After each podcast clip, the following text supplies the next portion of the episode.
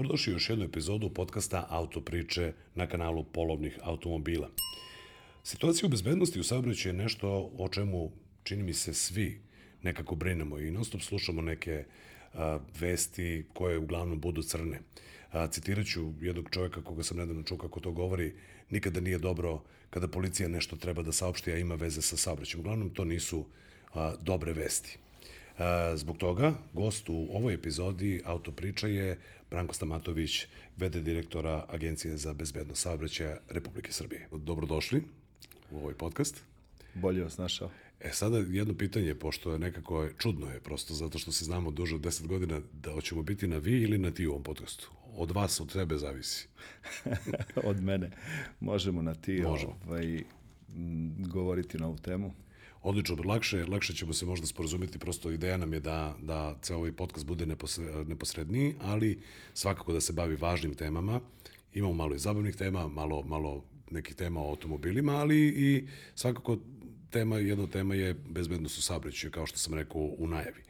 A, meni je zapravo bila ideja da se vidimo u ovom podcastu i da popričamo o tome šta je to sve što Agencija za bezbednost saobraćaja radi, kako ona to radi i da prokomentarišemo stanje u, u saobraćaju u Republici Srbiji, kakve su to navike naših vozača i da na taj način, čini mi se, približimo i upozorimo i vozače i, i naše slušalce i gledalce na to šta to sve čini, ajde da kažem, faktori rizika u saobraćaju i da prosto prođemo kroz tu statistiku.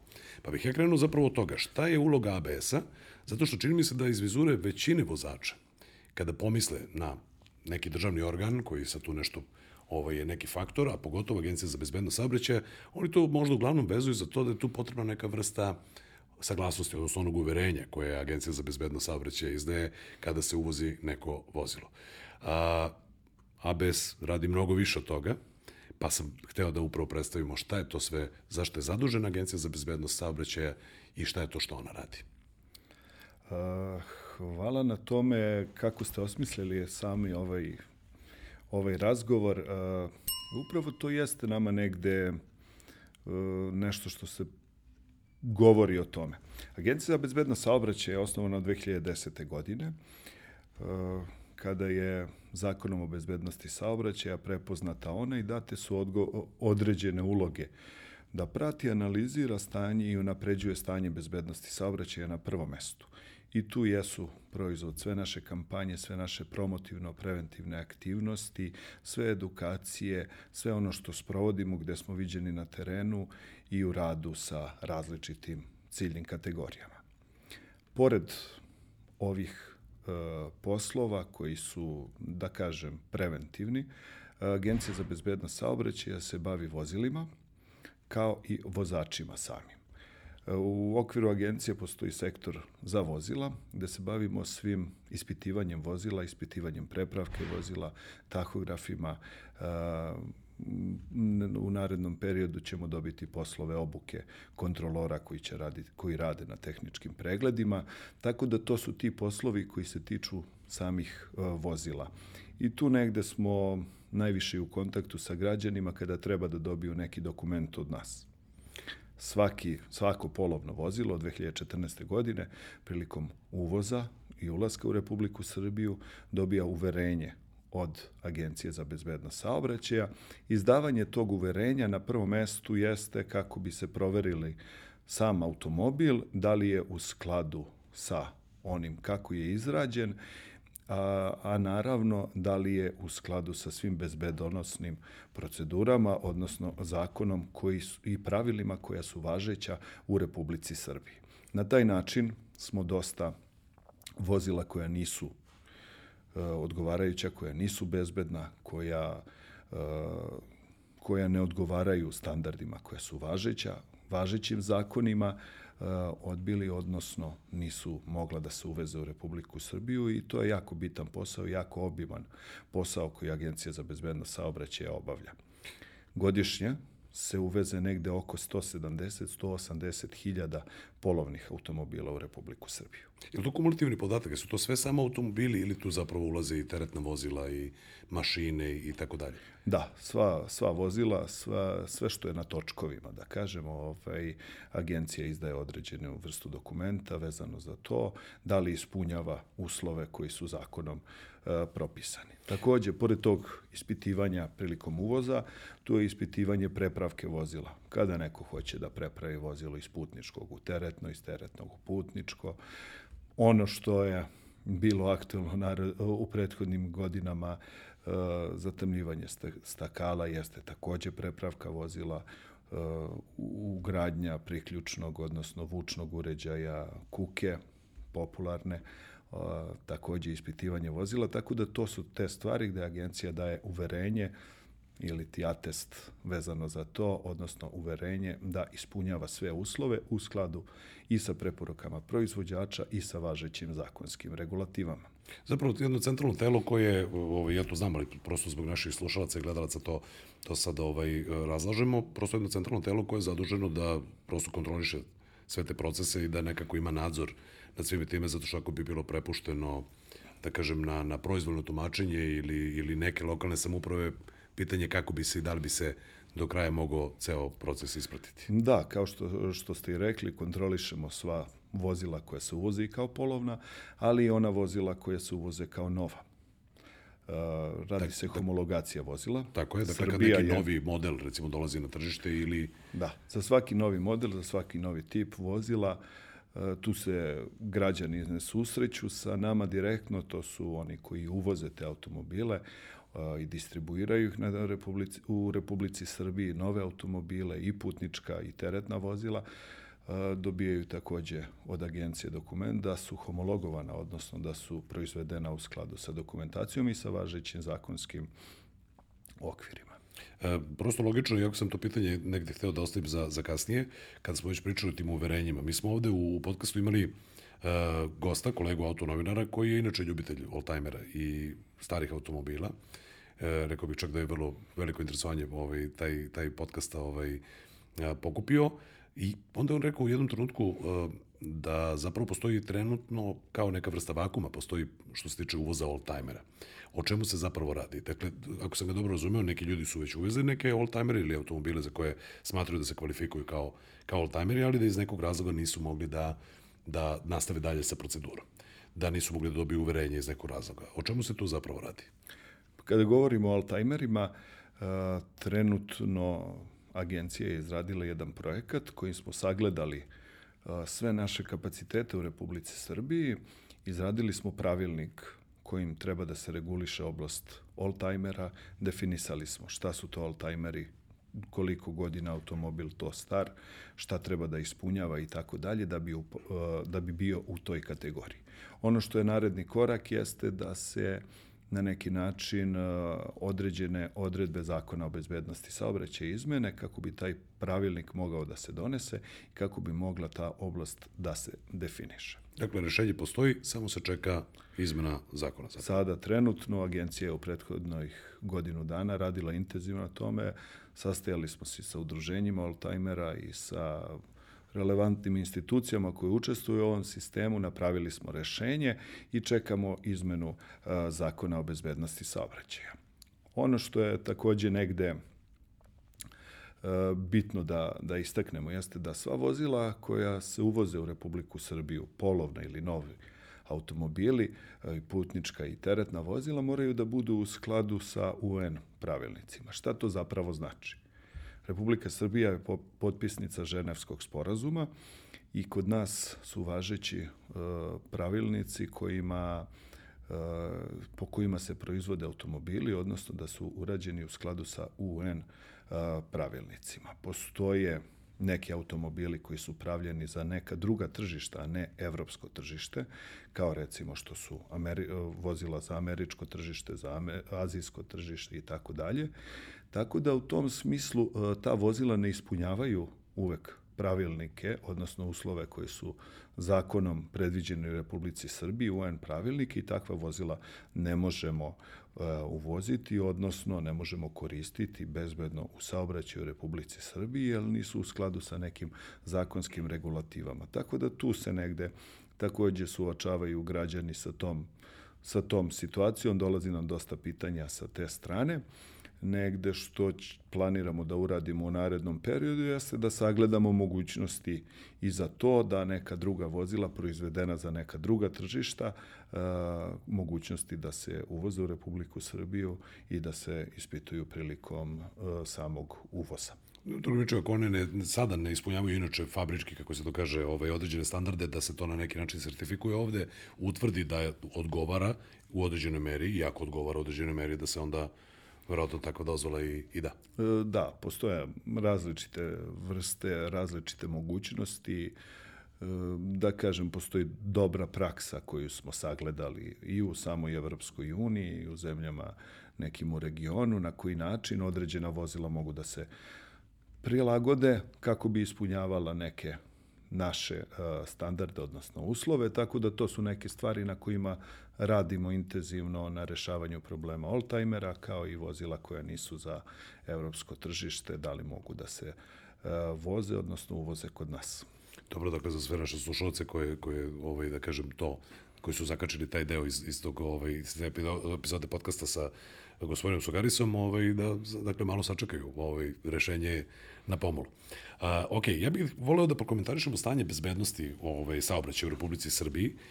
Uh, prosto, i inače prisustvo Agencije za bezbednost saobraćaja jeste u medijima, rekao bih, ovaj, vrlo primetno. Ja volim da, da pratim ovaj, dosta televizijski program i imam priliku da vidim uh, razne gostovanja i priča se često u statistici šta je to što zapravo najviše dovodi do smrtnog ishoda u, u saobraćaju, šta je to što najčešće radimo. I uvek se nekako apostrofira brzina. Ljudi bi, ljudi bi stavili alkohol na prvo mesto, ali on je tu na visokom drugom, ali zapravo je neprilagođena brzina kretanja. Pa da krenemo od toga, dakle, š, zbog čega najviše stradamo u saobraćaju, kakvi su trendovi, kakvi smo u odnosu na prethodne godine, kakvi smo ove godine, jer tu ima vrlo zanimljivih statističkih podataka, na primjer da a, za zemlju ove veličine neki normalan, da kažem, broj poginuli, kako to tako može da se kaže, trebalo bi da bude duplo manji nego što je to kod nas. Dakle, mi smo imali razne uspone i padove u tim trendovima, pa bih volio to da prokomentarišem. Dakle, šta su glavni uzročnici, kakav je trend i da onda, da onda ovaj, dalje raščlanimo šta, šta će se raditi u narodnom periodu u tom smislu. Pa negde veoma nam je bitna uloga medija. I ovom prilikom bih se zahvalio i vama i svim ostalim medijima koji značajno izveštavaju na ovu temu. I negde komentar dosta naših sugrađana jeste da se dešava sve više i više uh, saobraćajih nezgoda i da je to sve veći i veći problem. Mi imamo podatke, bavimo se analizom i samih uzroka nezgoda i podacima koliko je to nezgoda i koliko je stradalih u saobraćajnim nezgodama. E, u Republici Srbiji beležimo smanjenje stradanja u saobraćajnim nezgodama u odnosu na period od pre nekih 10 godina i to je značajno manje, ali jednostavno je svest takva i upravo je velika zahvalnost za medije. Kada god se dogodi neka saobraćajna nezgoda, mediji izveštavaju o tome, govore o, o, o tom problemu i nama to značajno, e, značajno doprinosi da kažem, dolaženja svesti do svakog našeg sugrađajina o rizicima, o tome da se strada u saobraćajnim nezgodama i tako dalje. Tako da je to neki subjektivni osjećaj, a mi zaista i imamo neke bolje, bolje rezultate. Naravno, ti rezultati nisu dobri, Mi u agenciji... Izvijem se što pregledam, sad ćemo rezultate, ali zapravo, to je zapravo paradoks, zato što dobro je kada mediji izveštavaju o tome, ja vidite šta se strašno desilo, onda se neko neko stavi prst na čelo pa ne, ne vozi možda toliko brzo ili ej, juče je neko na ovom putu stradao, kojim ja da, sada idem. tako. Ali s druge strane, subjektivni utisak je da se, pošto ima i dosta medija, ovaj, i to se naravno, pogotovo kada je nešto strašno se desi, to privuče dosta pažnje, onda zapravo imamo utisak da svaki dan se nešto dešava. Da, dešava se svaki dan i dešavaće se. Ali je zapravo utisak takav da kao ja u pogled koliko nesreća, a trend je zapravo u opadanju. A sa druge strane korisno je da bude takav utisak zato što se onda vozači malo malo možda neki, što kažu, uplaše, neki malo stavi prst na čelo. Sve su to neke te preventivne aktivnosti. Još jednom se zahvali medijima i bitno je to kada se, kada se, kada se izveštava i govori o tome. Ono što bismo mi voleli najviše da govorimo o tome jeste kada se dogodi nezgoda da pričamo o tome da li je taj neko bio vezan ili nije bio vezan. Recimo, sigurnosni pojas jeste jedan uh, osnovni sistem pasivne bezbednosti. Sigurnosni pojas je pre 60 godina počeo da se ugrađuje automobile i on je sastavni deo nekih drugih sistema. Recimo, uloga sigurnosnog pojasa i najveći efekat sigurnosnog pojasta jeste u slučaju prevrtanja automobilu da zadrži putnika u sedištu kako, bi, kako se ne bi povredio. Takođe velika je uloga i prilikom čeonog sudara i drugih vrsta sudara da zadrži putnika automobilu, ali u kombinaciji sa nekim drugim sistemima kao što je vazdušni jastuk, sigurnosni pojas je veoma efikasan, služi da prihvati, odnosno da, da, da blago nasloni putnika na taj sigurnosni jastuk u slučaju saobraćaja nezgode i aktiviranja sigurnosnog jastuka. Tako da to su neke stvari koje smatramo da su značajne da, da, da govorimo o njima kako bismo e, proširili svest o tome zbog čega je to bitno da se koristi. Da se koristi na prvo mesto sigurnosni pojas. E, negde je procena da bi oko 100 života u Republici Srbiji smanj, e, spasili samo da su e, u slučaju saobraćaja nezgode sa smrtnim ishodom ti putnici imali e, zavezan, odnosno pričvršćen sigurnosni pojas i zaista to su veliki brojevi i zato nam je taj sigurnosni pojas negde na prvom mestu.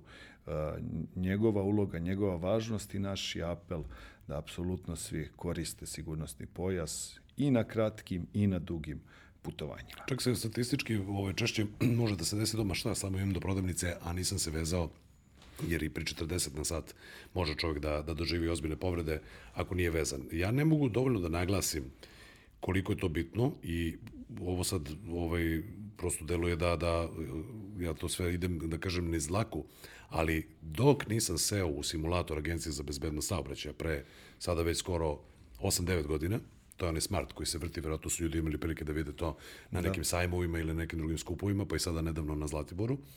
A, čovjek dok ne sedne u to, i taj simulator ne veže pojas i zategne ga, što je jako važna stvar, jeli za, uzme gornji deo pojasa, povuče ga ka mehanizmu da bi se karlični deo pribio, ne shvata zapravo kolika je njegova uloga. Jer sam ja se našao u čudu, okrenuši se u tom smartu na opačke, kako od jedan put ja ništa ne dodirujem u tom automobilu, osim što me taj karlični deo drži i to je prosto neverovatno. Dakle, u slučaju prevrtanja, Evo imali smo i, i pre nekoliko dana neke strašne scene ovde u Beogradu da su ljudi ispali iz vozila i to je zapravo jedan deo, jedan deo ovaj, tecane statistike, da vrlo verovatno da nisu bili vezani. Pojas je osnova, pa tek onda ide dalje nadogradnja u smislu airbagova i tako dalje. Tako da mislim da o pojasu nikad ne možemo dovoljno da, da pričamo, a ovo mi je jako zanimljiv podatak, dakle da oko 100 ljudi, odnosno 100 života godišnje manje ima u ovoj zemlji zbog nevezivanja. Dakle, učestvovali su u nesreći, ali bi ostali živi da su bili vezani. Da, to je neka naša procena i zaista to je nešto što, što, što nam služi kao pasivni sistem. A, sve drugo, svi drugi uzroci, kao što ste rekli, a, uzrok jeste prekoračenje brzine, odnosno nepoštovanje a, ograničenja brzine, to je uzrok zbog kog nastaju saobraćaje nezgode, zatim vožnja pod dejstvom alkohola, svaki sedmi koji je izgubio život sa obraćajem nezgodama, izgubio je život zato što je uh, vozač bio pod dejstvom alkohola. Svaki treći život u Srbiji je izgubljen zbog prekoračenja brzine. I to jesu uzroci nastanka nezgoda i to jeste jedan, to su naši najveći problemi. A sam pojas je nešto što pasivno treba da u slučaju saobraćaja nezgode zaštiti i vozača i ostale putnike i da smanji posledice te saobraćaje nezgode. Zato nam je jako bitno e, pravilno korišćenje sigurnosnog pojasa. Kada je najavljeno kontrolisanje vezivanje na zadnjoj klupi, prosto nekako moglo je da se čuje ovako u društvu, ovaj, da kažem, ovaj, ne zvanično, ali prosto kako se čovjek kreće, aha, sad će da se kontroliše vezivanje na zadnjoj klupi, pa to samo da bi se uzelo više para. Neko mi se čini da, da ljudi u velikoj većini ne shvataju važnost, odnosno kao da polaze od toga da, da im nije važan sobstveni život, pa onda život njihovih saputnika, i polaze od toga jer znam neke ljude koji, koji dalje polemišu sa mnom, ja ne mogu, mene to steže, mene to smeta, gužva mi odelo, pa onda čak koriste i one neke sisteme sa štipaljkama, gde taj onda pojas nije do kraja operative, ne radi ono što treba da radi, ne shvatajući da time sebe stavljaju u direktnu opasnost, A da ne kažem da ako budu imali čevni sudar ovaj, da možda oni ovaj, neće preživjeti, oni tamo će vozač preživjeti i celog veka će zapravo imati negde tu sliku pred sobom i, da kažem, tu osobu na duši, što se kaže. Ono što je negde nama bitno jeste da u tom sistemu bezbednosti saobraćaja uh, imamo kombinaciju prevencije i kombinaciju represije. Represija jeste to kažnjavanje koje vi govorite. Kada je počelo intenzivnije da se ovaj kontroliše upotreba pojasa na zadnjem sedištu, komentari su bili kad su ovo ubacili u zakon. A to je u zakonu već stajalo. I jednostavno e, mi smo sada došli u ovom trenutku negde oko 20% svega putnika se vezuje na, na zadnjem sedištu i to je zaista veoma malo. Šta je problem na zadnjem sedištu? Na zadnjem sedištu putnik, ukoliko nije vezan sigurnosnim pojasom, on može povrediti sebe, povrediti onoga ko sedi pored njega, ali može i povrediti one koji sede na prednjoj klupi. Dok je oni koji sede na prednjoj klupi očekivano da mogu povrediti sebe i svog da kažem, saputnika, ono ko sedi pored sebe. Tako da to su neke stvari gde intenzivno radimo na podizanju svesti za korišćenje sigurnosnog pojasa i u narednom periodu, u narednoj godini ćemo to intenzivirati posebno pomoću naših simulatora gde ćemo u organizaciji sa lokalnim samoupravama promovisati upotrebu sigurnosnog pojasa i još veći broj građana će imati priliku da prođe kroz tu našu simulaciju. Ja verujem da će to biti veoma korisno. Ja imam neku i ličnu anegdotu koju redovno pričam. Putovao sam iz Kragujevca za Beograd sa, sa dodatne tri osobe. Ja sam vozač i zamolim osobe pozadi da se vežu. Decu sam odavno istrenirao, da ne, ja neću krenuti dok se ne vežu, ali ovo su bile odrasle osobe i, ovaj, i mi treba da se uključimo na autoput. Ja kažem, jesmo vezani pozadi, kaže, nismo šta sad pozadi. Ja sam objasnio da će zapravo, a to su životne situacije, saobraćaj nepredvidiva stvar. A, ako bude nekom kamionu otpala guma, a mi se vozimo 130 na sat, mi ćemo stati u nulu nekako, ja ću se potruditi da stanem najbezbednije moguće zbog sebe, zbog svih nas u vozilu, onda će osoba sa zadnje klupe težine oko 70 kg da me ubije, jer nevrovatnom silom pada, odnosno u ovaj udara napred. Pre brzini čini mi se od 50 na sat se to meri neki šesti ili osmi sprat. Možda grešim sada, da mi, da mi ovaj, fizičari ne, ne, ne, ne spočitavaju, ali to, je, to su užasne sile koje deluju kada zapravo, na kraju, to zvuči kao šala, ni brzina tako je ubija, nego stajanje.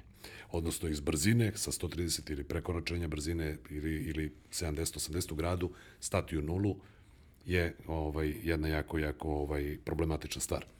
Zapravo se tu dešava najveći problem. A, sledeće pitanje, ja ne znam da li statistički može da se obradi telefon kao uzrok, odnosno upotreba mobilnog telefona za volanom kao uzrok saobraćenih nesreća, ali ono što viđam u saobraćaju i u životu, svakodnevno pa i u, u autoputu uh, kroz Beograd, od jedan put se primeti vozilo koje ide 50 na sat, 40 na sat, usporava i ugrožava saobraćaj kod sebe i kada se taj vozač pretekne, vidi se da on je u živoj nekoj konverzaciji kuca nešto, lista neki Instagram ili neki, neki, neku stvar. Da li uopšte telefon kao stavka može da stoji u statistici ili to je jako teško utvrditi nakon saobraćaja nesreće? Da li ima neki podatak o tome? Agencija za bezbednost saobraćaja se bavi indikatorima bezbednosti saobraćaja. To su svi pokazatelji koliko se određeni uređaji koriste, koliko se koristi sigurnosti pojas, koliko se koristi deči autosedište e, i tako dalje, a pored toga i koliko se koristi mobilni telefon u vožnji. Podatak koji mi raspolažemo jeste da 4% svih vozača na preseku u određenom trenutku koriste mobilni telefon u toku vožnje. To meni deluje malo nešto, kako bih rekao, malo, ali verujem da, da je prosto to možda i nemoguće utvrditi do kraja precizno. Ne možemo da utvrdimo da li jeste zbog toga što je neko telefonirao da se desio se desila nesreća. To je ono što je snimljeno u trenutku, u trenutku i na određenom preseku. Ono što je svakako poražavajuće jeste da se mobilni telefon to je koristi svi smo svesni o, e, više, više od toga negde. Ovo je samo u trenutku, odnosno u jednom preseku, a pre toga i nakon toga nije nije nakon tog trenutka gledano, tako da negde očekujemo da su ti podaci značajno loši. Ono što je problem jeste ta distrakcija, to ometanje pažnje. Jer sve što ometa pažnju vozača, odnosno skreće pogled sa puta, sa volana, sa svog vozila, jeste distrakcija. I telefon jeste jedan od najvećih ometača u vožnji. Svakako, ako idemo 50 km na sat, u sekundi prelazimo preko 13,5 metara svake sekunde. Kada pogledamo samo u mobilni telefon, da li je to poruka, da li nas je neko pozvao, i vratimo pogled, nama će trebati recimo dve sekunde. U te dve sekunde automobil pređe 26-27 metara. A bez da smo mi gledali šta se dešava. Mi apsolutno nismo videli na put, nismo videli okruženje, šta se dešava, tako da zbog toga i na taj način dolaze, dolazi do saobraćajih nezgoda i to je ono što je problem, skretanje pažnje vozača. ABS je napravio onaj spot sa, sa Dušom Borkovićem gde on vozi u, kontrolisanim uslovima, to je i kolega ničim izazvan, ovaj, pa, pa ga zove telefonom, oni pričaju i onda idu bale sena, lopta i tako dalje. I tu se vidi, ok, to je spot, ljudi, neki ljudi mogu da kažu, pa dobro, to je režirano, ali zaista kada se koristi mobilni telefon, mnogo ljudi ne može tu podeljenu pažnju prosto da, da, da kako bi rekao, da, da pravilno, iako ne drži telefon u rukama, nego priča samo preko, preko uređaja za bezbedno pričanje, dakle, da li govorimo o Bluetoothu ili uređaju u vozilu, prosto deli mu se pažnja i nisu sposobni da rade više stvari istovremeno. Ja mislim da to jeste zaista narastajući ovaj uzrok, jer ovaj, zaista sve više više vozača vidimo koji, ma samo ja da pozovem, samo da, uzao sam samo da odbijem poziv, do onih koji bukvalno četuju dok, dok vas... Uh, ono što je jako dobro jeste da u, automo, u samom automobilu postoje određeni uređaji, odnosno sve bolji i bolji uređaji koji pomažu samom vozaču da u toku vožnje bude bezbedan, prepoznaju prepreke, prepoznaju ograničenja brzine i tako dalje. Sa druge strane, postoji sve veći i veći broj određenih ometača, ometača pažnje vozača i to je ono što je što je problem. Svi se nadamo da ćemo u narednom periodu tehnologija napreduje svakodnevno i svedoci smo toga. Sama izrada, odnosno upotreba autonomnih vozila će biti sve više prisutna, odnosno nadam se da ćemo imati u, u nekom trenutku uh, i te mogućnosti. U tom slučaju svakako vozač ostaje kao vozač i on je, da kažem, neko ko upravlja automobilom, ali svi ti dodatni uređaji služe da bi mu pomogli i da bi svi bili bezbedni. Na prvom mestu je bezbednost, bezbednost vozača, bezbednost drugih učesnika u saobraćaju, zbog toga se te uređaje ugrađuju i zbog toga je to neophodno primenjivati. Ja moram jedno lično iskustvo, nije pohvalno, ali sam uh, u, u mom automobilu imam recimo uređaj za uh, urgentno kočenje, odnosno da, da, da primeti ako je prepreka ispred mene zaustavljena i adaptivni tempomat samim tim. I onda mi se desila situacija da smo kretali sa semafora, zazvonio telefon, ja sam samo bacio pogled dole da vidim, nisam planirao da se javim u tom trenutku, bacio sam pogled, kada sam vratio pogled na put, auto je već krenuo sam da koči, da ja, da nisam imao taj sistem, ja bi napravio štetu, to je bilo pre samom polasku pre semafora, ali, da kažem, ovaj, na kraju će možda telefon pobediti, jer će taj razvoj tih pametnih tehnologija da dođe dotle da na kraju možemo i da sedemo pozadi pa jednog dana za Ili će 30. automobil isključiti mobilni telefon kada mobilni Naprimer. telefon uđe u automobil. A upravo je ta situacija koju ste objasnili, ono o čemu smo malo pregovorili. Vi ste videli poziv i za poziv vam nije potrebno dodatno vreme da čitate poruku. Tako je. Poruka je mnogo veći problem, oduzima mnogo više vremena, odnosno mnogo više skreće pažnju vozaču sa puta skreće pažnju na telefon i to jeste jeste problem, ali tehnologija je tu neminovno je da napreduje svakog dana, treba da iskoristimo u cilju povećanja bezbednosti na prvo mesto. Recimo, moj telefon zna kada je povezan na moj automobil ovaj, i ako želim da unesem nešto na navigaciji, koristim Android Auto, ako želim da unesem nešto na navigaciji, on mi neće dati da to učim, može samo glasom, Ako je automobil zaustavljen, onda će mi dozvoliti, dakle ako sam automobil ne kreće, onda će mi dozvoliti da ukucam adresu na telefonu da bih negde išao. Inače da je, kako bih rekao, samo glasovnu komatu ću kažem, to je već se dešava i već ovaj, su ti neki sistemi u, u primjeni i nadamo se da će biti bolje. A, nadam se da, da prosto i ljudi koji nas slušaju i koji nas gledaju imaju razvijenu svest o tome, jer kažem, moj utisak je da se to sve više i više dešava, ali nadam se da će se neka promjena desiti. E, nadamo se, evo recimo primjer e, primene alkolog Brava. E, postoje alkolok brave kojom se mogu ugraditi automobile. Neke kompanije u Srbiji čak imaju u svojim teretnim programima, odnosno vozilima koje služe komercijalno, da vozač ne može da startuje vozilo dok ne bude alkotestiran. Tek nakon alkotesta koji pokaže da vozač nema prisustvo alkohola u organizmu, tek se nakon toga može uopšte startovati uh, vozilo. Tako da to jeste jedan od ovih pametnih sistema koje možemo primeniti i nadamo se da ne moramo to da radimo, odnosno nadamo se da ćemo uspeti da, da, da razumemo koji su problemi i vožnje pod dejstvom alkohola, jer to takođe predstavlja veliki problem. Pored ometanja pažnje, kada se vozi pod dejstvom alkohola, na prvom mestu e, dešava se pad koncentracije, vozač ima značajno lošiju procenu udaljenosti predmeta. Refleksi su drugačiji, sve je drugačije. Tako je, usporeni su refleksi, tako da to su problemi zbog e, koje pravi alkohol ili, ti, ili, ili psihoaktivne substance. Za upravo to vožnja... utisak je da je to u porastu. Čini mi se sve više ili da, zato što sada od, od nedavno policija koristi te ovaj, da, da, droga testove, deluje mi kao da, je, da, je, da su psihoaktivne ovaj, substance u porastu, barem po novinskim napisima. Pa onako, kao što ste rekli malo pre za zadnju klupu i vezivanje sigurnosnog pojasa, sada smo uspeli da je u saradnji sa lokalnim samoupravama e, Ministarstvo unutrašnjih poslova, uprava saobraćaja policije obezbedi veći broj testova, droga testova i da se kontroliše. Ono što je poražavajuće jeste da u toku letnjih meseci imali smo intenzivne kampanje sa mladima, gde smo sa upravom saobraćene policije uh, radili upravo kombinaciju represije i prevencije. Na festivalima i zabeležen je veliki broj mladih koji su upravljali pod dejstvom psihoaktivnih substanci.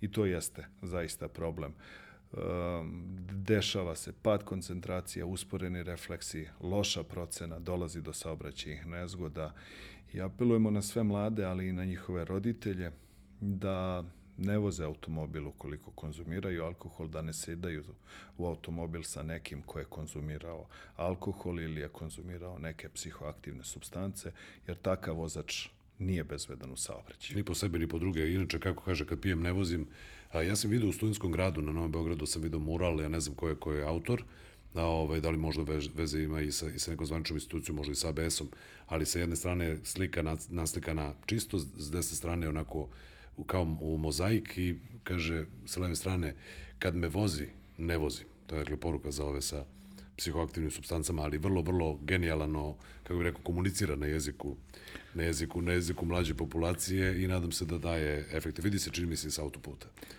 Da, to je odličan mural koji je uradio studentski centar sa nekom kompanijom i to je zaista za svaku pohvalu. E, neophodno je da se svaki pojedinac uključi u ovo. I upravo je to razlog zašto govorimo. Tek onog trenutka kada svaki pojedinac, svako od nas, svako od naših sugrađana shvati da je svaki dan učesnik u saobraćaju. Svaki dan ne mora voziti automobil, ali je makar peške izašao iz svog stana i svoje kuće, prošetao do prodavnice, učestvovao je u saobraćaju. Neophodno je u svakom trenutku bude svestan toga i neophodno je da, da se ponaša u skladu sa da kažem propisima, ali onako kako ne bi ugrozio bezbednost ni sebe, ni drugih. Odlično. Ja bih prešao sada na, na ciljevi, dugoročne planove. Naime, mi smo se nedavno videli na Zlatiboru, na, na, na jednom posebnom forumu koji sam, ako sam dobro razumeo, je prvi put zapravo održan. Radi se o forumu unapređenje sistema bezbednosti saobraćaja u Srbiji, koji je zapravo okupio sve pripadnike lokalnih samouprava, skoro sve, načelnike uprava saobraćajnih policija i Agenciju za bezbednost saobraćaja, pa i druge stručnjake i, i ljude, prosto stručnjake sa saobraćajnog fakulteta iz različ, različitih drugih struka, gde se zapravo desila jedna razmena znanja, iskustava i nekoliko vrlo zanimljivih panel diskusija na temu šta je to što nas čeka u budućnosti i šta je to što smo do sada radili. I postoji nešto što se zove Nacionalna strategija za bezbednost u saobraćaju do 2030. godine. O njemu bih, o tome bih da nastavimo, ali prethodno samo da prokomentarišemo šta su rezultati prethodne strategije, od kad do kad je ona bila, bila na snazi i da li možemo da kažemo da, budem, da, da smo zadovoljni rezultatima ili je zapravo prilika za, za učenje i za napredovanje? A, prethodna strategija bezbednog saobraćaja definisala je neke ciljeve u periodu od 2015. do 2020. godine. Jedan od glavnih ciljeva jeste bilo da se za 50% smanji stradanje odnosu na 2011. godinu, da se a, deca ne gube život u saobraćajnim nesgodama. To se nije uspelo. To se nije uspelo, ali značajno se sistem unapredio, značajno se sistem uh, pokrenuo. Pokrenuo se u tom smislu da se dešavaju stvari koje unapređuju bezbednost saobraćaja. Zakon o bezbednosti saobraćaja uh, jedna posebna oblast se bavi sistemom bezbednosti saobraćaja. U okviru tog sistema prepoznate su neke institucije i date su određene uloge i obaveze tim institucijama, šta treba da rade i na koji način. Na prvom mestu to je Agencija za bezbednost saobraćaja koja ima svoju ulogu i a, pokreće ceo sistem, ali pored Agencije za bezbednost saobraćaja tu se nalaze i lokalne samouprave. Lokalne samouprave a, dobijaju sredstva od naplaćenih novčanih kazni, 30% od svake naplaćene novčane kazne na teritoriji Republike Srbije ide u budžet te lokalne samuprave gde je prekršaj i načinjen. I to je model koji je prepoznat, pohvaljen od strane Evropske komisije gde nesavesni, oni koji prave e, prekršaje, finansiraju bezbednost. E, naravno, pored lokalnih samuprave i agencije, tu su i druga ministarstva, na prvom mestu Ministarstvo unutrašnjih poslova, koji ima određeni i veliki broj aktivnosti koji kontroliše koji kontroliše sam saobraćaj, upravo saobraćajne policije koja je bila prisutna zajedno sa nama i u prethodnom periodu. Tu su Ministarstvo saobraćaja, Ministarstvo prosvete, Ministarstvo financija. Sve te institucije na određeni način učestvuju u sistemu i imaju neke, neku ulogu. Upravo organizacija ovog foruma o kome govorite jeste uh, forum na kome smo svi mi koji učestvujemo u sistemu razgovarali o tome kako da dođemo do određenih uh, ciljeva. Na prvom mestu postavili smo cilj vizija nula stradale dece u saobraćaju i u saobraćajim nezgodama i zaista smatramo da je ta vizija moguća, dostizna i da to može da nam bude cilj uh, nacionalne strategije, da od 2030. godine nijedno dete u saobraćajnim nezgodama ne izgubi život. Ja bih ovde samo jednu kratku ovaj, upadicu imao, a to je frapantan podatak koji sam ovaj, na tom forumu čuo, odnosno tokom ta dva dana programa, a to je da o, ovaj, od dece koje su poginula, nažalost stradala u saobraćaju, da zapravo 30% njih stradaju kao pešaci, a da je e, ostalih 50%, odnosno 50% strada kao putnici u vozilu što ima veze sa onim o čemu smo pričali, vezivanjem, tečnim sedištima, prevencijom i tako dalje. O tim stvarima smo najviše govorili. O deci, o stradanju dece i o ulozi svake institucije kako da, da sprečimo, odnosno kako da unapredimo bezbednost naše dece u saobraćaju. Kao što sam rekao i malo pre, e, pored samih institucija neophodno je da se svaki pojedinac uključi i da da svoj doprinos. Kako i na koji način? vidite to što ste rekli, 54% dece koje smrtno strada u saobraćajnim nezgodama u Republici Srbiji strada kao putnik u automobilu. I upravo je kao putnik u automobilu najčešće u pratnji svojih roditelja. I zaista roditelji su najodgovorniji, najodgovorniji za bezbednost svoje dece. Od prvog trenutka je neophodno da deca budu u dečjem autosedištu. Na taj način se i kod njih stvara jedna pozitivna navika uh, gde vezivanje, odnosno prevoz u odgovarajućem dečjem autosedištu sa jedne strane deci stvara uh, naviku i oni prihvataju to vezivanje u, i, i prevoz u odgovarajućem sedištu na jedan veoma dobar način. Nakon toga oni neće da se voze bez sedišta čuli smo zaista dosta primera gde je neko od kolega, baš na forumu smo govorili, imali su slučajeve da dete sedne automobil i dete kaže niste me, niste me vezali. I to su ti primeri gde dete stekne naviku tako što ih svaki dan vezujete i stavljate u autosedište i nakon toga oni hoće i dalje. Jednostavno tako se osjećaju uh, osjećaju se bezbedno. To je ono što se tiče samog prevoza. Ako krenemo sa, sa tim i sa tom odgovornošću svakog pojedinca, moramo da skrenemo pažnju roditeljima na to da deca uče po modelu ponašanja. I taj model ponašanja jeste takav da oni vide šta rade najveći njihovi autoriteti, a opet to su njihovi roditelji s kojima oni provode najviše vremena.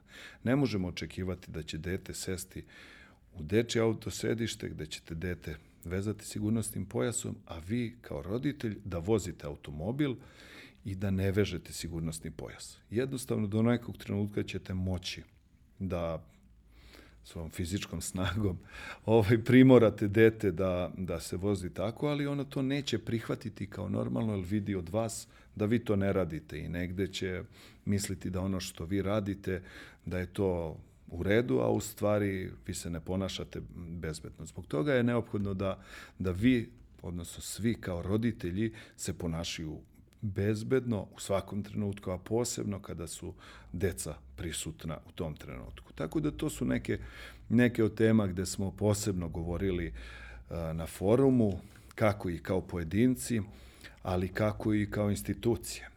Veliki broj lokalnih samouprava u Republici Srbiji kupuje dečje autosedišta, obezbeđuje dečje autosedišta besplatno za svoje najmlađe sugrađane i tu podelu dečjih autosedišta prate edukacije, gde postoje posebni treneri, gde na, demonstriraju kako i na koji način se treba to dete bezbedno prevoziti u odgovarajućem dečjem autosedištu, ono što Agencija za bezbedno saobraćaj uradila i radi jeste izrada priručnika, odnosno brošura, gde izdajemo na koji način se prevoze deca. Uradili smo, uradili smo edukativne filmove koji opisuju svaku kategoriju dečih autosedišta, na koji način se trebaju deca prevoziti, tako da e, što se tiče upotrebe dečih autosedišta, mi tu imamo negde i najveće rezultate u prethodnom periodu. Ali deca i dalje stradaju kao putnici, kao putnici u automobilu u prisustvu svojih roditelja i to jeste veliki problem, poseban apel na sve roditelje da kada prevoze svoju decu budu posebno pažljivi, ali da ih uvek prevoze u odgovarajućem dečijem autosedištu na odgovarajući način uh, pričvršćena, odnosno uh, da budu bezbedni. Sve se to radi u skladu sa, da kažem, uputstvom proizvođača tog dečeg autosedišta. Mi smo pravili jedan, jedan kratki specijal, ovaj, baš smo ovaj, pokazali kako se montira Isofix deče sedište i ja sam pokušao na plastičnom primeru a poziv sa naše slušalce i gledalce ako nisu da pogledaju taj specijal kratki na našem ovaj, YouTube kanalu, ne, prosto uzeo sam dečiju lutku koja nije, nema ni kilažu deteta, stavio sam je na zadnje sedište i napravio jedno naglo kočenje u kontrolisanim uslovima na, sa 40-50 na sat i to je strašno. Dete leti još većom silom i brzinom zato što prosto ima više kilograma. Zaista se nadam da će, da će to dati rezultate. Ono što me oduševilo, video sam i neke pesmice i filmove, ove edukativne koji zapravo apeluju na one najmlađe pešake i najmlađe učesnike saobraćaju kada pričamo o ovoj drugoj kategoriji. Rekao smo da, da trećina strada, nažalost, strada kao pešaci. Dakle, govorimo o pešačkim prelazima, iako smo svedoci da se u gradovima, pa i u Beogradu i u drugim gradovima, sve više i više radi na tim bezbednim zonama škola. Međutim, dešava se, naročito u, u manjim mestima, da je gotovo po pravilu škola sa jedne strane puta, pekara sa druge strane puta, ima pešački prelaz, nema. To je prosto tako zato što je tako odavno. To je tako izgrađeno i naše je da, da, da rešimo taj problem. Gde je prisutan? Govorili smo o izgradnji zona škola, dosta dosta, zaista dosta je urađeno u Srbiji u prethodnih par godina što se tiče i uređenja samih zona škola i bezbednosti dece u samim školama. Svedoci smo da je izgrađeno dosta i puteva i saobraćajnica koje su visokog ranga, koje same po sebi jesu e, saobraćajnice na kojima, kojima je na prvom mestu bezbednost u saobraćaju onih svih učesnika. E, pored samih zona škola, Govorili smo i o mogućnostima da se određene teme uvedu u neke, da kažem, formalne tokove obrazovanja. Govorili smo o tome kako i na koji način se može sa decom samom raditi u predškolskim ustanovama i kako same lokalne samouprave mogu da doprinesu tome da deca budu bezbednija u svakoj lokalnoj samoupravi. E, to nam je bila tema broj 1 i tema koja zaista zaslužuje najveću pažnju kako rada svake institucije, tako i svakog pojedinca i zaista smatramo da možemo od 2030. godine da nemamo dece koje stradaju saobraćajom nezgodama i neophodno je da, da, da se svi uključimo u to. Ja se zaista nadam da će i ovaj apel uroditi plodom.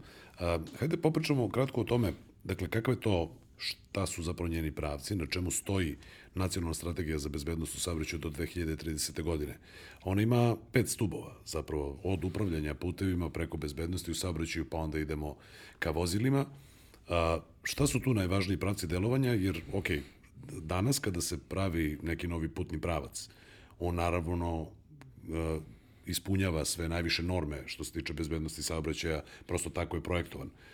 A, a, drugi deo, da kažem, drugi par rukava je podatak koji je izneo gospodin a, a, Nikolić iz, iz Uprave saobraćajne policije da je rekao da zapravo 50% stradalih u saobraćaju strada ne samo o, kako bih rekao, na licu mesta tokom saobraćaja nesreće, nego kasnije strada u transportu. Dakle, treba raditi i na nečemu, to je zaista velika i široka stvar, prosto stoji na pet stubova, i na jedinicama vatrogasno spasilačkim, i na jedinicama hitne medicinske pomoći, odnosno raspoloživim raspoloživim ekipama, zato što je rekao da zapravo policija u velikom broju slučajeva, u mnogo većem broju slučajeva, za 10 minuta može da bude na mestu uviđaja kada pričamo o udesima na autoputima da. i tako dalje.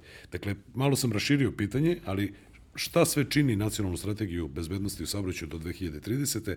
i šta su tu, da kažem, najvažnije od tih pet stubova koji su, koji su nam najkritičniji? Kao što ste da rekli, a, nacionalna strategija predviđa i svoje oblasti rada definiše u okviru pet stubova. Peti stub jeste delovanje nakon saobraćaja nezgode. I tu se dešavaju dešavaju se, nažalost, veće posledice saobraćajih nezgoda nakon same saobraćaje nezgode, zato što može da se dogodi da neko dodatno, da kažem, još strada. Kada govorimo o statistici i saobraćajim nezgodama, za nekoga ko je strada u saobraćaju nezgodi, statistika se vodi od trenutka saobraćaje nezgode pa u narednih 30 dana. Ne mora neko stradati na licu mesta da bi bio žrtva saobraćaja nezgode, već ako se to dogodi i u narednih 30 dana, on se statistički vodi kao žrtva saobraćajne, uh, saobraćaje nezgode. Tu postoje određeni predlozi koji e, za rešavanje tog petog stuba, odnosno na prvo mesto da se poveća koordinacija rada između hitnih službi, tu su na prvom mestu e, Ministarstvo unutrašnjih poslova, upravo saobraćaje, policije, za vanredne situacije, odnosno vatrogasci, zatim hitna medicinska služba. Tako da koordinacija njihova i neke vežbe su neophodne kako bi se došlo do boljih efekata. Agencija takođe beleži sve te indikatore za koliko minuta se izađe u slučaju saobraćaja nezgode, hitna pomoć, hitna, da kažem, policijska ekipa i tako dalje. Što se tiče e, drugih, odnosno stubova koji se tiču bezbednosti saobraćaja, prepoznati su učesnici. I učesnici jesu posebno obrađeni.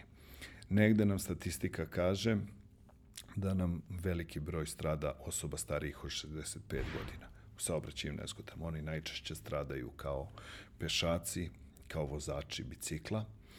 Takođe, prepoznati su mladi kao jedni od najugroženijih kategorija i naravno deca. Deca su nam apsolutni prioritet u strategiji koja će se e, u predlogu strategije koju, koju smo izradili od, za period od 2000, do 2030. godine. Što se tiče drugih stubova, mogu da kažem da je e, stub koji definiše oblast vozila, Tu su različite vrste e, prilagođavanja e, zakonskim okvirima i normama koji su važeći u Evropskoj uniji. E, jedan od ciljeva što se tiče vozila jeste da se negde poveća korišćenje vozila koja značajno manje zagađuju životnu sredinu. Životna sredina nam je jako bitna. To je jako dobro to što radi država i subvencioniše kupovinu elektrovozila, a takođe nam je bitno i da se smanji e, prosečna starost voznog parka u Srbiji smanjivanjem prosečne starosti, povećaće se i bezbednost tih e, vozila. A kao što ste i rekli, putevi su jedna poseban stub gde izgradnja novih puteva sa najvišim standardom bezbednosti značajno doprinosi unapređenju svih učesnika u saobraćaju, odnosno e, doprinosi tome da budemo bezbedniji, da određeni put prelazimo na neki način i brže i bezbednije. I tu su prepoznati određeni alati i određene procedure koje u narednom periodu treba da primenjujemo, da rešavamo neke opasne deonice, ako postoje da ih prepoznamo, E, postoje neki alati kada se dogode saobraćajne nezgode da se izvrši istraživanje šta se desilo na konkretnom slučaju i da se predlože određene mere ako je uticaj puta postojao ili vozila, da li je uticaj vozača, tim istraživanjem se dešava i primjena tih alata upravo će do, dovesti do toga da rešavamo probleme na određenim deonicama i da napređujemo te deonice sa aspekta uh, bezbednog učestvovanja. Statistički negde se kaže da, da put uh, može da učestvuje do 20%.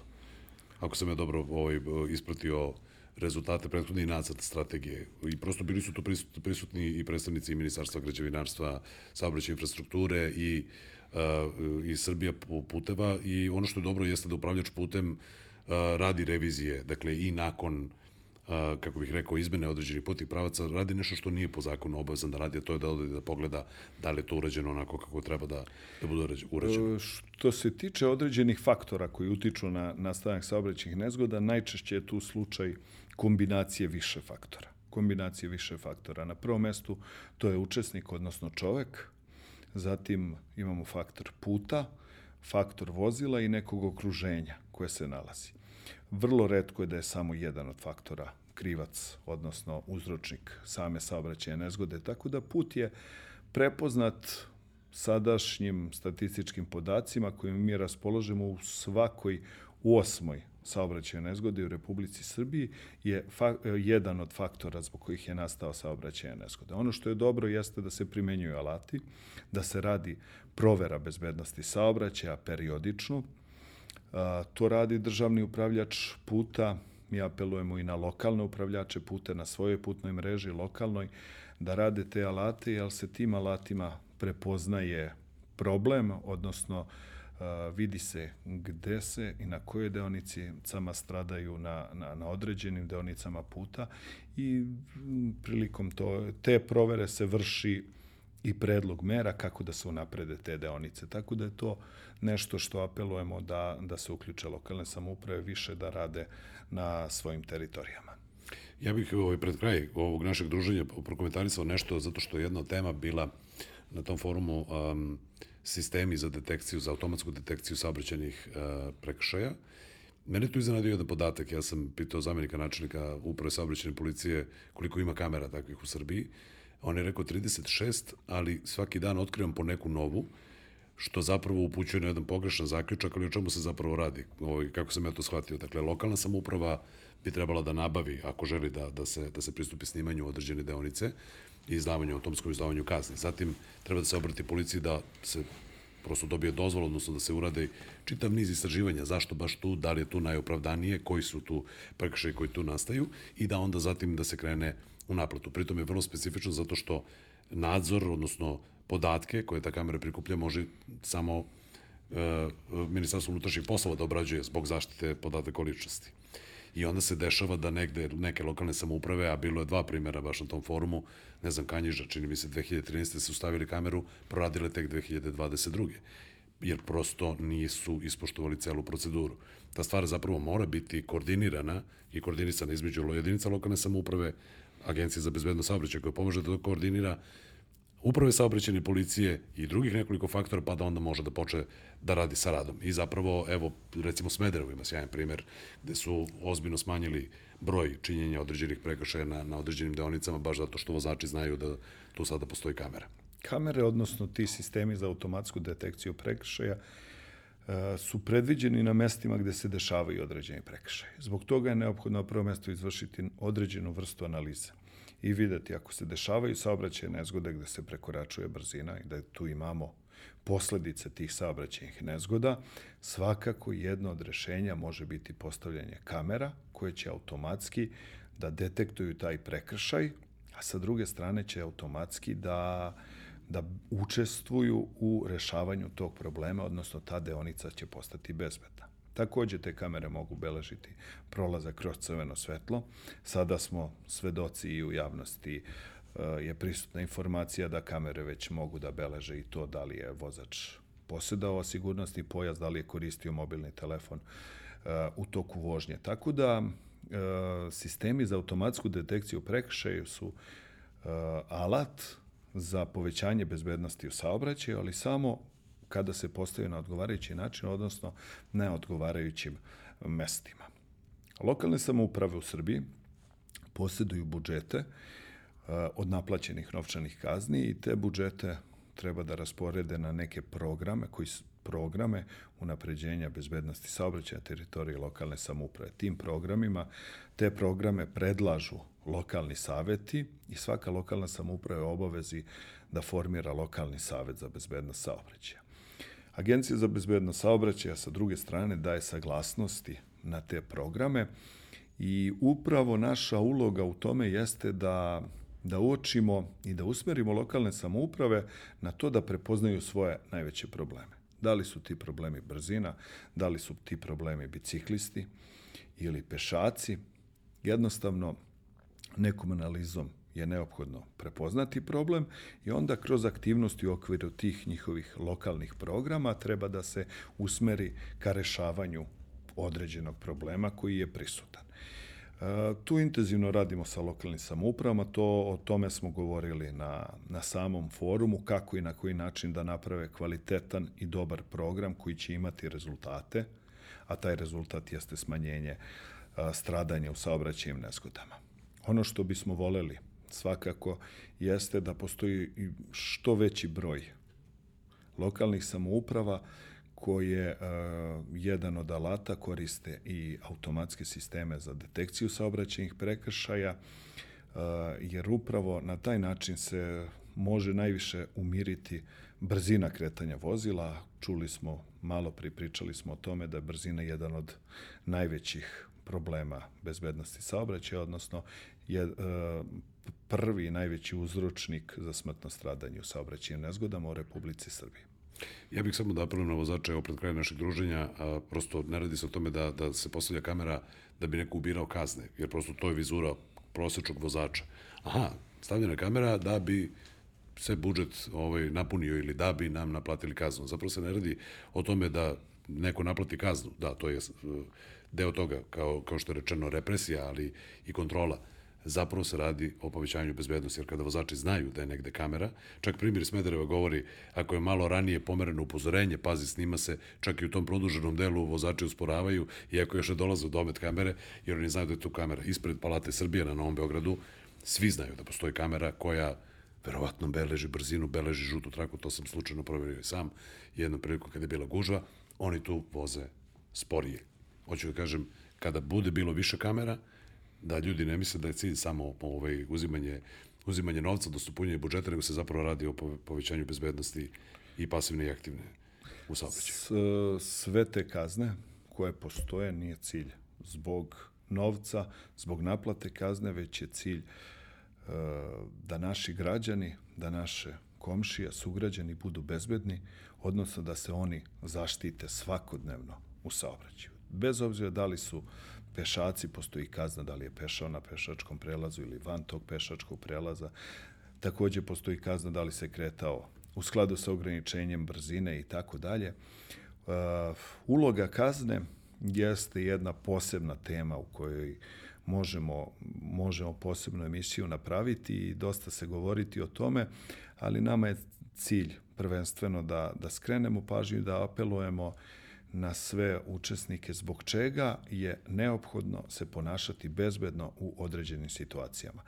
Tako da svakako postojanje saobraćajnih kamera nije zbog kazni, već zbog bezbednosti svih nas pojedinačno, svih naših sugrađana u Republici Srbiji i upravo sa tim alatom očekujemo da se smiri saobraćaj, odnosno da se smiri brzina kretanja, a saobraćaje nezgode sa koje se dešavaju sa vel, pri velikim brzinama imaju značajno veće posledice nego one saobraćajne nezgode koje se dešavaju pri manjim brzinama i to jeste jedan od razloga zašto je ograničenje brzine kretanja u naselju 50 km na sat, nekada je bilo to veće ograničenje, a posebno bih želeo da apelujem na sve, pošto nam je tema nula stradale dece u saobraćajnim nezgodama, da je brzina kretanja vozila u naseljenom mestu u zoni škola.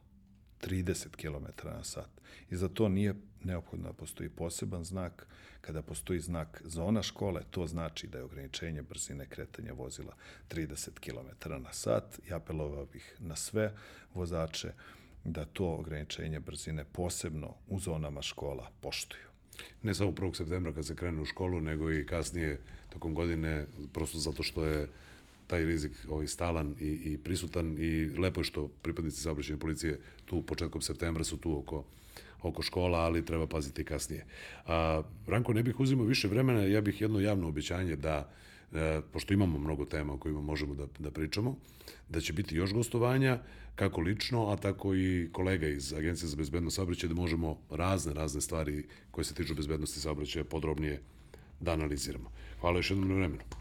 Hvala vama na pozivu i hvala vama na, da kažem, sistematičnom sagledavanju ovog ove naše teme, jer bezbednost u saobraćaju nije samo ni vozač, nije samo ni vozilo, nije samo ni put.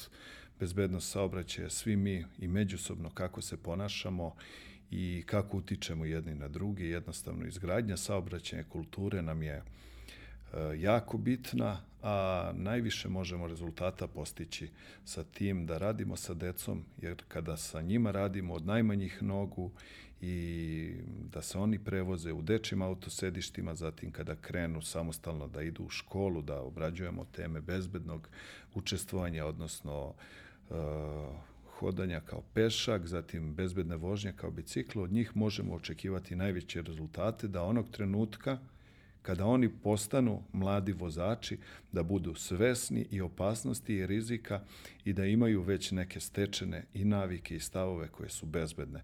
Tako da je neophodno da radimo sa decom i ona su na prvom mestu da ne stradaju sa obraćajim neskodama. Hvala, nadam se da ćemo ispuniti viziju do 2030. Hvala vam puno. Vama hvala na slušanju i na gledanju. Bila je ovo još jedna epizoda podcasta Autopriče polovnih automobila. Dakle, na, možete nas naći na YouTube kanalu, kao što znate, i na svim e, audio platformama. Čujemo se i vidimo se u sledećoj epizodi. I ne zaboravite like, share i subscribe.